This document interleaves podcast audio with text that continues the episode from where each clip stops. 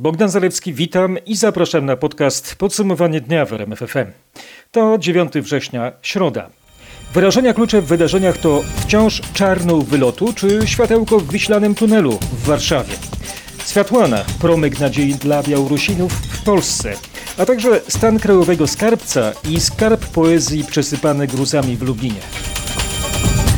Czy zaświeci nareszcie światełko na końcu rury w Warszawie? Na przełomie tego i następnego tygodnia rozpocznie się układanie awaryjnego rurociągu na moście pontonowym na Wiśle. Zapowiada stołeczny ratusz. Ten awaryjny przesył ma być gotowy za dwa tygodnie. W środę wojsko skończyło budowę mostu pontonowego. Oba brzegi Wisły zostały spięte. Żołnierze się spieli i szybciej niż zakładano zakończyli budowę przeprawy. Możecie efekt ich pracy podziwiać na rmf24.pl. O tym, co będzie się teraz działo nad Wisłą, z wiceprezydentem Warszawy Robertem Soszyńskim rozmawiał nasz reporter Michał Dobrowicz. Kiedy rurociąg zacznie pojawiać się na pontonach? W ciągu najbliższych dni, jeszcze nie jutro na pewno, ale, ale w ciągu najbliższych dni, dlatego że te prace sprowadzają się do zgrzewania e, poszczególnych fragmentów rurociągu w jedną wielką całość, po drugie do wtoczenia tego rurociągu na istniejący już przygotowany most pontonowy. Pan już widzę od dobrych kilku minut tu stoi i przygląda się. No bo to jest ciekawe. Nieczęsto się zdarza ta, oglądać taki spektakl. Widzimy żołnierze, którzy skończyli ciężką pracę, no i wszystko się fajnie skończyło. Żeby tak jeszcze ze ściekami się skończyło jak z tym mostem, to będzie elegancko. Bardzo elegancko o tym, co dzieje się w ich mieście, mówią warszawiacy. Mówiłem o światełku w tunelu, chyba jeszcze za wcześnie. Na razie ciemność widzę, widzę ciemność, że zacytuję filmową kwestię. Bo oto prokuratorzy i biegli planują ponownie wejść do tunelu pod Wisłą, by zbadać miejsce awarii systemu przesyłu stołecznych ścieków do oczyszczalni Czajka. Jak dowiedział się reporter RMFFM Krzysztof Zasada, władze Warszawy muszą odpowiednio przygotować to feralne miejsce. Co musi być zrobione? Tunel pod Wisłą musi być zabezpieczony, a także naprawiony na tyle, by dało się poruszać na całej jego długości. Okazuje się, że po awarii prześwit korytarza zmniejszył się tak, że nie można było dotrzeć w niektóre miejsca. Teraz Miejskie Przedsiębiorstwo Wodociągów i Kanalizacji musi wyłonić firmę, która podejmie się tych prac. Do zabezpieczenia jest około dwóch kilometrów tunelu. Trzeba z niego wydobyć uszkodzone elementy konstrukcyjne. Mają też być pobrane do badań duże fragmenty rurociągu. Wybranie wykonawcy może zająć co najmniej kilkanaście dni. Nie wiadomo natomiast, ile czasu zajmą same prace pod rzeką. Jest coś, co stołeczne władze wykonały. Badania śniętych ryb. Jak stwierdził cytowany przed chwilą wiceprezydent Warszawy Robert Soszyński, testy nie wskazują, aby przyczyną śnięcia ryb mogła być awaria systemu przesyłowego ścieków do oczyszczalni Czajka i ich zrzut do Wisły. Soszyński stwierdził, że nie chce wchodzić w detale, które mają charakter bardzo publicystyczny. Jeśli ja miałbym się pokusić o publicystyczną puentę, to powiedziałbym, że tak szybko zrobić mętne jak Wisła testy trzeba ludzi naprawdę energicznych, żeby nie powiedzieć z ikrą. Liderka białoruskiej opozycji Światłana Cichanouska spotkała się w środę w Warszawie z premierem Mateuszem Morawieckim.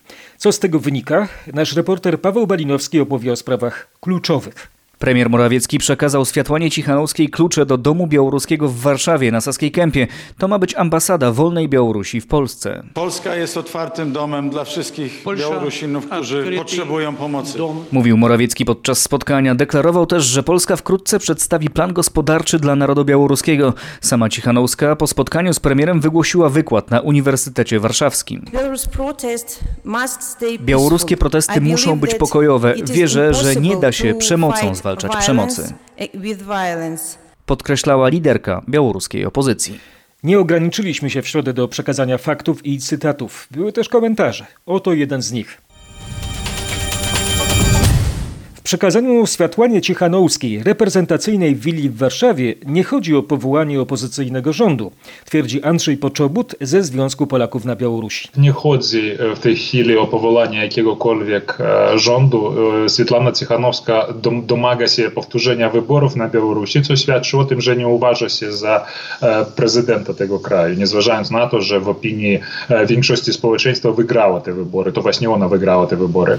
Na pytanie Roberta Mazurka, dlaczego Białoruś Białorusini mówią dość Aleksandrowi Łukaszence po 26 latach jego rządów, Poczobut odpowiedział tak. To jest problemem, że jeden człowiek jest autorytetem we wszystkich dziedzinach. To jest problem, kiedy ten człowiek poniża wszystkich dookoła. To jest Problem, kiedy ten człowiek wybiera kierunek polityki, jaki jemu się podoba i nie dba o to, żeby nawet przekonać społeczeństwo, bo to da się narzucić siłą. I to trwa już bardzo długo. Rozmowa Roberta Mazurka z Andrzejem Poczebutem ze Związku Polaków na Białorusi jest do posłuchania i obejrzenia na rmf24.pl.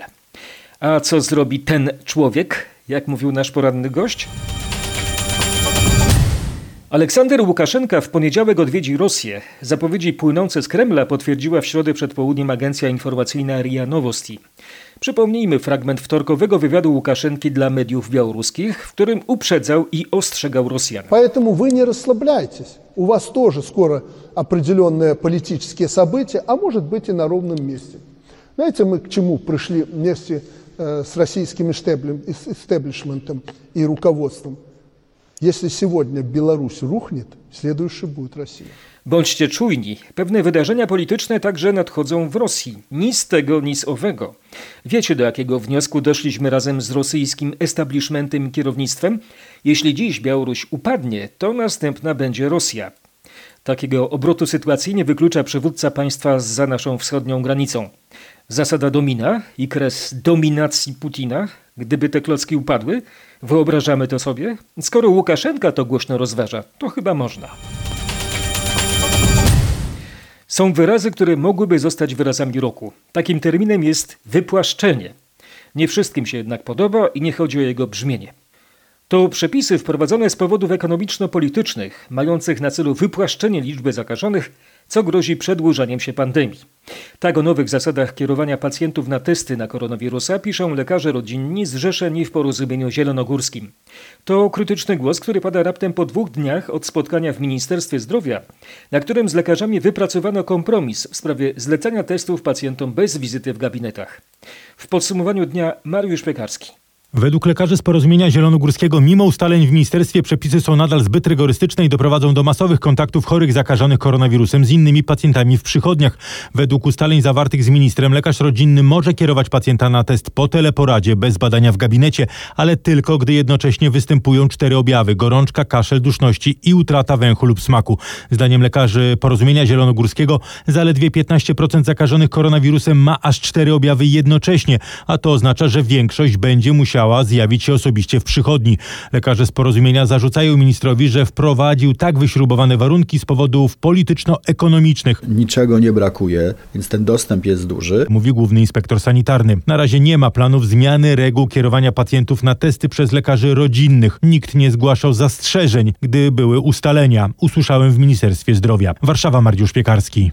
A co z objawami mieszanymi, że tak się wyrażę? Bo kumulacja wirusów czeka nas w sezonie jesienno-zimowym. O grypie, przeziębieniach i koronawirusie mówiliśmy w środę w naszym cyklu Twoje zdrowie w faktach RMFFM. Jak podkreślają lekarze, głównym celem wirusów jest namnażanie się i zarażanie kolejnych osób. W interesie wirusa, że tak kolokwialnie to nazwę, nie jest zabicie nosiciela, bo jeżeli on zabije nosiciela, to nie zarazi następnej osoby. Czy ten koronawirus, który jest teraz, jest taki sam jak na przykład w marcu? Naturalny mechanizm, który wytwarza się i już zaczyna być obserwowany, to jest to, że wirus staje się bardziej zakaźny, ale jednocześnie mniej zabójczy. Ale to nie znaczy, że to niebezpieczeństwo mija i za chwilkę będziemy zupełnie bezpieczni bezpieczni, że to będzie kolejny wirus, który możemy wrzucić do grupy przeziębień, który nam nie grozi. Na ten moment ten wirus jest zakaźny i zabójczy w znacznym odsetku. Z doktorem Marcinem Markielem, internistą, lekarzem Izby Przyjęć Wojewódzkiego Szpitala Specjalistycznego nr 4 w Bytomiu rozmawiała Anna Kropaczek. Całą rozmowę znajdziecie na portalu Twoje zdrowie rmf24.pl.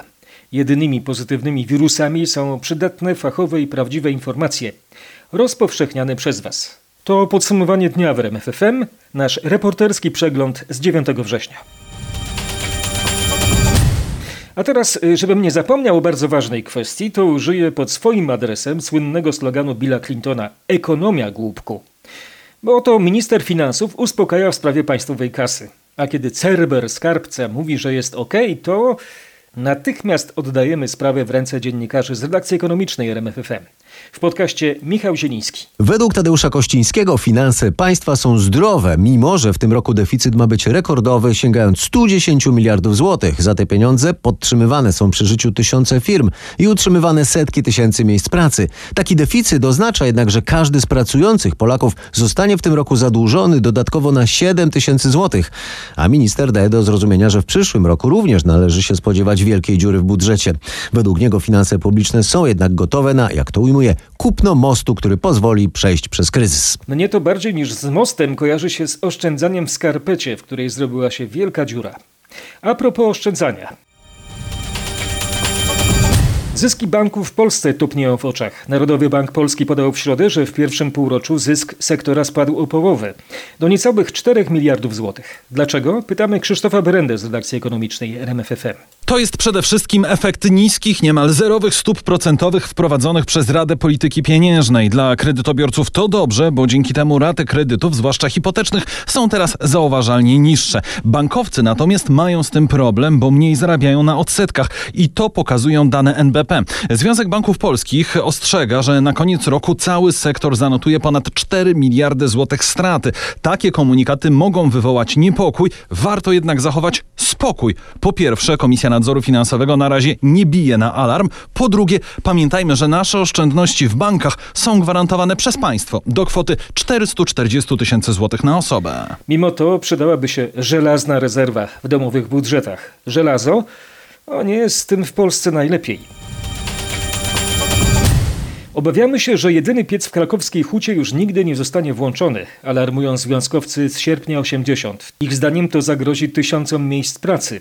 Marek Wiosło pytał o powody niepokoju. Jak twierdzą, składają się na to czynniki ekonomiczne, które wskazują, że uruchomienie pieca w krakowskiej hucie nie będzie miało sensu. To wciąż jednak może się zmienić. Mniejsza produkcja z powodu pandemii to jedno, ale tragiczne dla przemysłu mogą okazać się nowe unijne regulacje. Taniej będzie sprowadzać stal spoza Unii Europejskiej. Jeżeli ta nie będzie obciążona cłami zaporowymi, mówi Patryk Kostela z sierpnia 80. Niesie to ogromne zagrożenie dla tysięcy miejsc pracy, jak i dla przyszłości całej krakowskiej huty. Winna jest zaostrzająca się polityka klimatyczna Unii Europejskiej. Planów całkowitego wyłączenia pieca nie ma, ale na razie nie zostanie on uruchomiony, mówi z kolei Sylwia Winiarek z ArcelorMittal Poland. Na razie czekamy, aż wzrośnie zapotrzebowanie. A, a drugi warunek to jest opłacalność produkcji, bo tylko my ponosimy opłaty związane z emisją CO2. Instalacja została tymczasowo wyłączona w listopadzie ubiegłego roku. Unia Europejska dba o to, aby taniej było sprowadzać stal spoza Unii Europejskiej. Żelazna logika.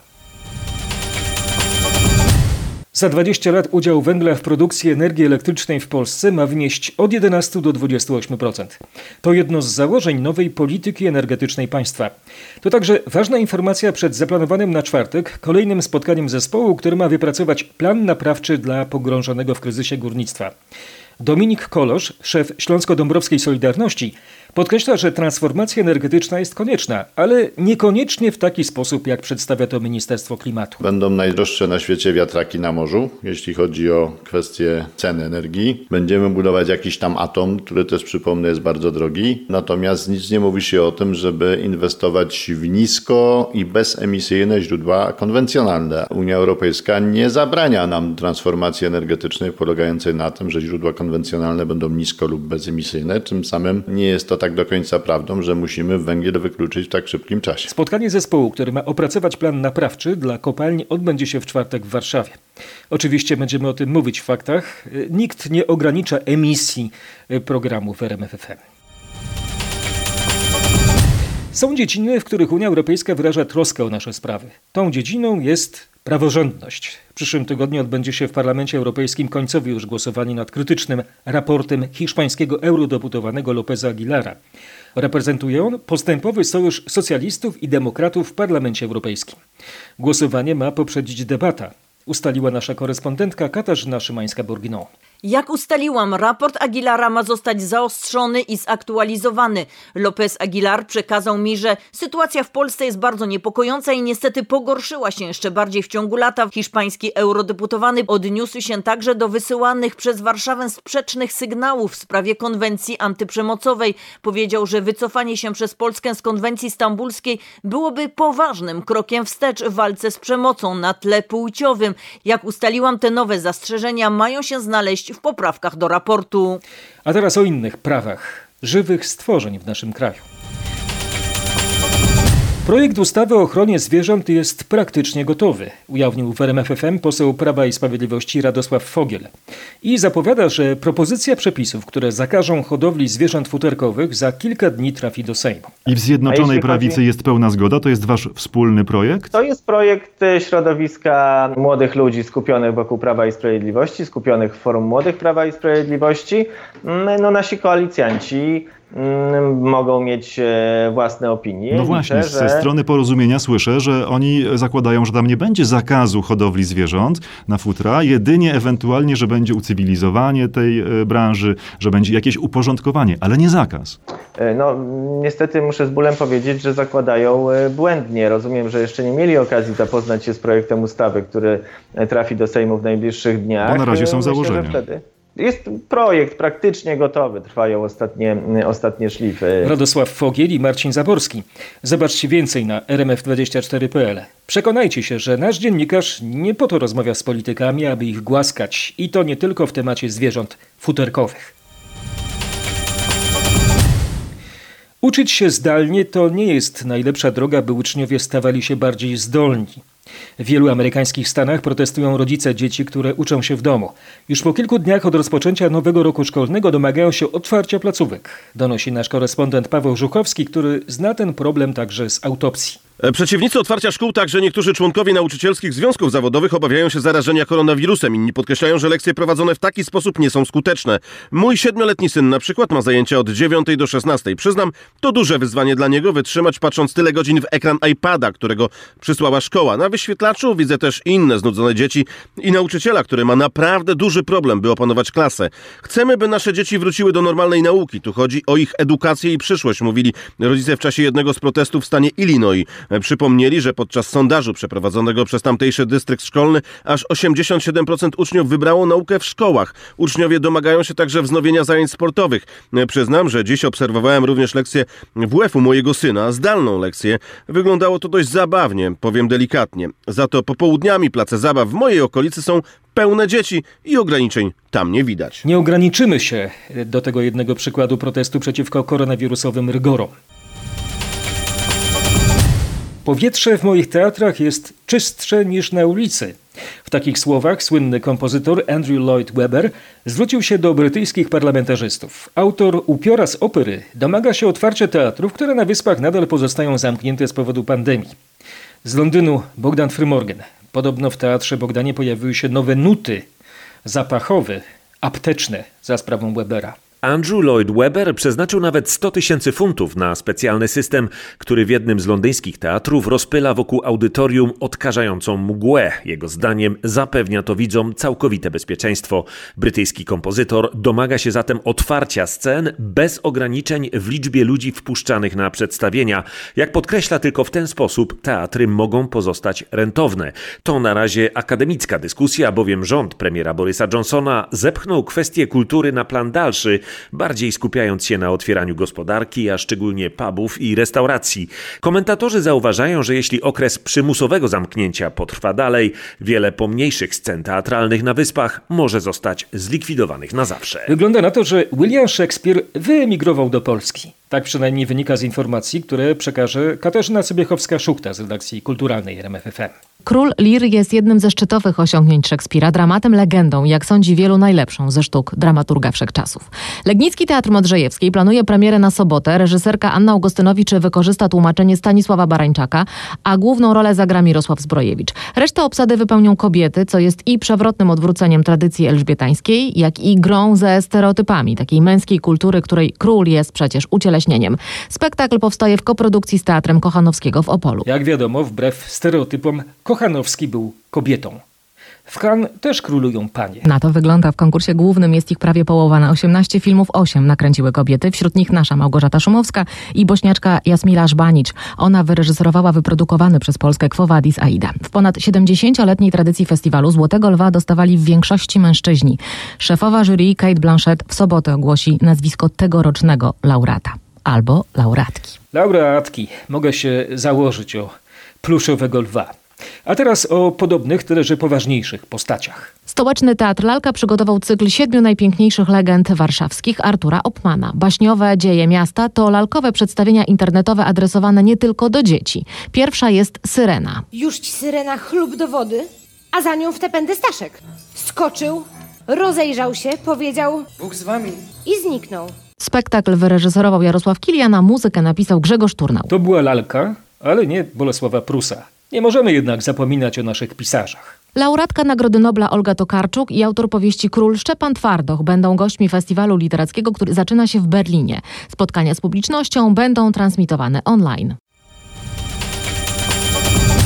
Przyznam, że to jeden z moich ulubionych poetów. Nie, to złe słowo, ulubionych. To był fenomenalny twórca o absolutnym słownym słuchu. 9 września 1939 roku doszło do największego w historii bombardowania Lublina. Od niemieckich bomb zginęło kilkaset osób, wśród nich Józef Czechowicz, który dopiero co wrócił z Warszawy do rodzinnego miasta. W środę uczczono jego pamięć. Poemat o mieście Lublinie. Na wieży furgotał blaszany kogucik. Na drugiej zegar nucił.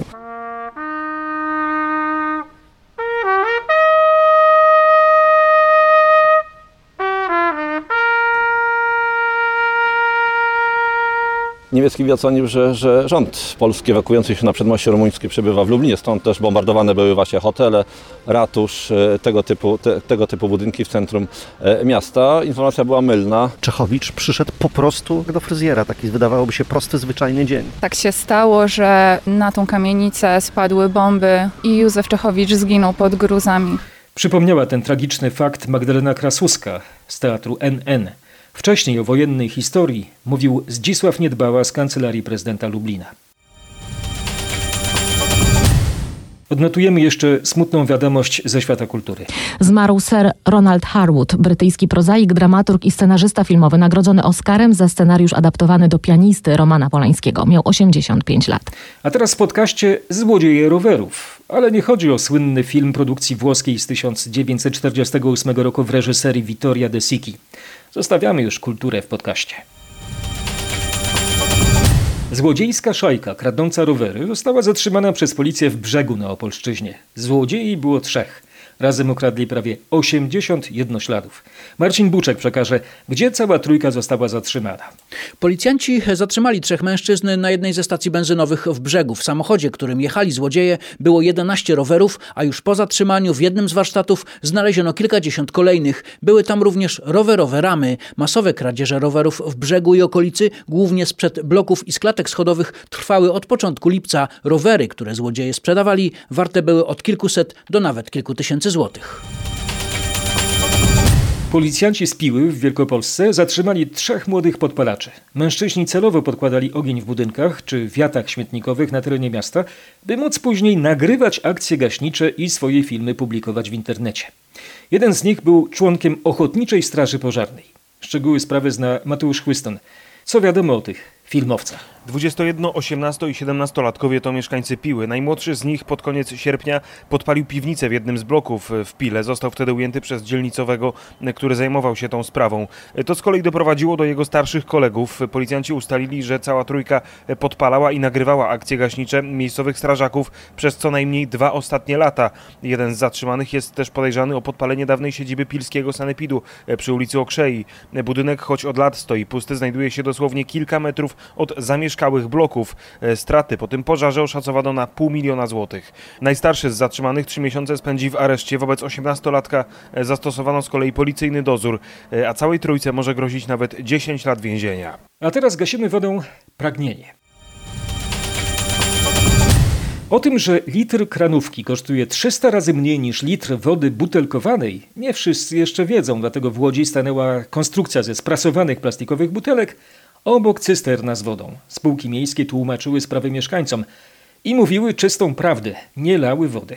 Żeby uświadomić łodzianom, jak dobrą wodę mają w kranach i że nie ma potrzeby wybierania e, wody źródlanej, która często ma nawet gorszy skład mineralny, żeby za to płacić duże pieniądze, bo jednak w skali roku to się już robi jakaś suma, a woda w kranie jest e, bardzo, bardzo tania, żeby po prostu dla własnej kieszeni, żeby mm, sprzyjać e, środowisku naturalnemu, no i e, żeby nie nosić, nie obciążać się, lepiej jest pić wodę z kranu. Przekonywała Anna Bylewska-Juszczak z Zakładu Wodociągów i Kanalizacji w Łodzi. Łodzianie, pytani przez Magdalenę Greinert, twierdzili, że bardzo chętnie sięgają po kranówkę. Znaczy uważam, że woda filtrowana jest coraz lepsza niż butelki, które nam zostają plastikowe. Przecież to się składuje i tylko środowisko zanieczyszcza. Ja jestem jak najbardziej za filtrowaniem wody. Jak u Pani w domu wygląda picie wody? A u nas woda tylko i wyłącznie z kranu filtrowana. Tylko i wyłącznie tak. Syn pije tylko czystą, bez niczego, natomiast ja z córką e, cytryna i mięta. Warto pokochać wodę z kranu, poczuć do niej miętę. Źródlana może być wędrówka. Ten pan przeszedł już ponad 200 kilometrów, a przed nim jeszcze około 1000. Podróżnik Mateusz Waligura dotarł do Krakowa, idąc wzdłuż najdłuższej polskiej rzeki z południa na północ, a zbiera wskazówki, które mają pozwolić wytyczyć szlak Wisły. Ostatnią noc spędził w namiocie w sąsiedztwie opactwa benedyktynów w Tyńcu. Jest dla mnie miłym zaskoczeniem to, że wiele, wiele osób e, rozpoznaje mnie na drodze. Myślę, że przyczepka, którą za sobą ciągnę, jest e, takim elementem przyciągającym wzrok i, i często o tę przyczepkę właśnie e, pytają mnie spotykane na mojej drodze osoby. Wiele osób też kojarzy, że, że idę wzdłuż Wisły, chcę dojść do Bałtyku, życzą mi dobrej drogi. Piękne zdjęcia z tej wyprawy zobaczycie na rmf24.pl. Nasza strona to źródło informacji i takich właśnie wrażeń. Za dużo wody życia wypiły dwie panie. Woda życia po łacinie aquavite. Nasi przodkowie mówili okowita. Po niemiecku sznaps. Na dworcu głównym w Hanowerze służby interwencyjne musiały wynieść z pojazdu dwie kompletnie pijane starsze kobiety. 72-latki wprawdzie nie były w stanie chodzić i mówić, ale z zapałem broniły się przed odwiezieniem z wagonu do szpitala. Testy wykazały u jednej z nich ponad 4 promile alkoholu w organizmie, druga miała ich ponad 3. Finał? Obie kobiety trafiły prewencyjnie do aresztu, aby wytrzeźwieć. Dlaczego piły w pociągu? Nie wiadomo. Może pomyliły koleje z kolejkami. Jedna kolejka za drugą kolejką, jedna kolejka za drugą kolejką. Jak donosi Marek Gładysz, we Francji coraz głośniej o sporze pomiędzy legendą kina Alanem Delonem a jego domniemanym nieślubnym synem. Aktor milioner odmawia wpisania go na listę spadkobierców. Taki ten tata. Sąd w Orleanie we Francji uznał, że spór musi rozstrzygnąć wymiar sprawiedliwości w Szwajcarii, bo to właśnie w tym kraju Alain Delon jest stałym rezydentem. 84-letni aktor odmawiał uznania, że jest ojcem dziecka nieżyjącej już piosenkarki Nico, która była wokalistką sławnej amerykańskiej grupy rockowej Velvet Underground. Syn tej ostatniej, prawie 60-letni Ari Boulogne oburza się, że z powodu braku pieniędzy był przez długi czas kloszardem, a w tym samym czasie jego domniemany ojciec żył w luksusie. Komentatorzy zastanawiają się, czy teraz bardziej chodzi mu o oficjalność oficjalizację więzów rodzinnych, czy o fortunę Delona. Niko, zjawiskowa kobieta, piękna blondynka o zniewalającym niskim głosie.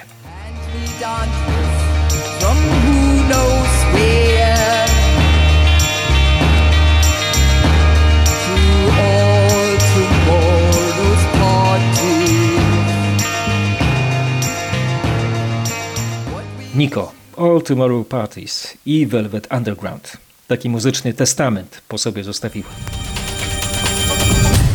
Studentka Uniwersytetu Wrocławskiego, przygotowując się do egzaminu, znalazła w uczelnianej książce list sprzed 23 lat.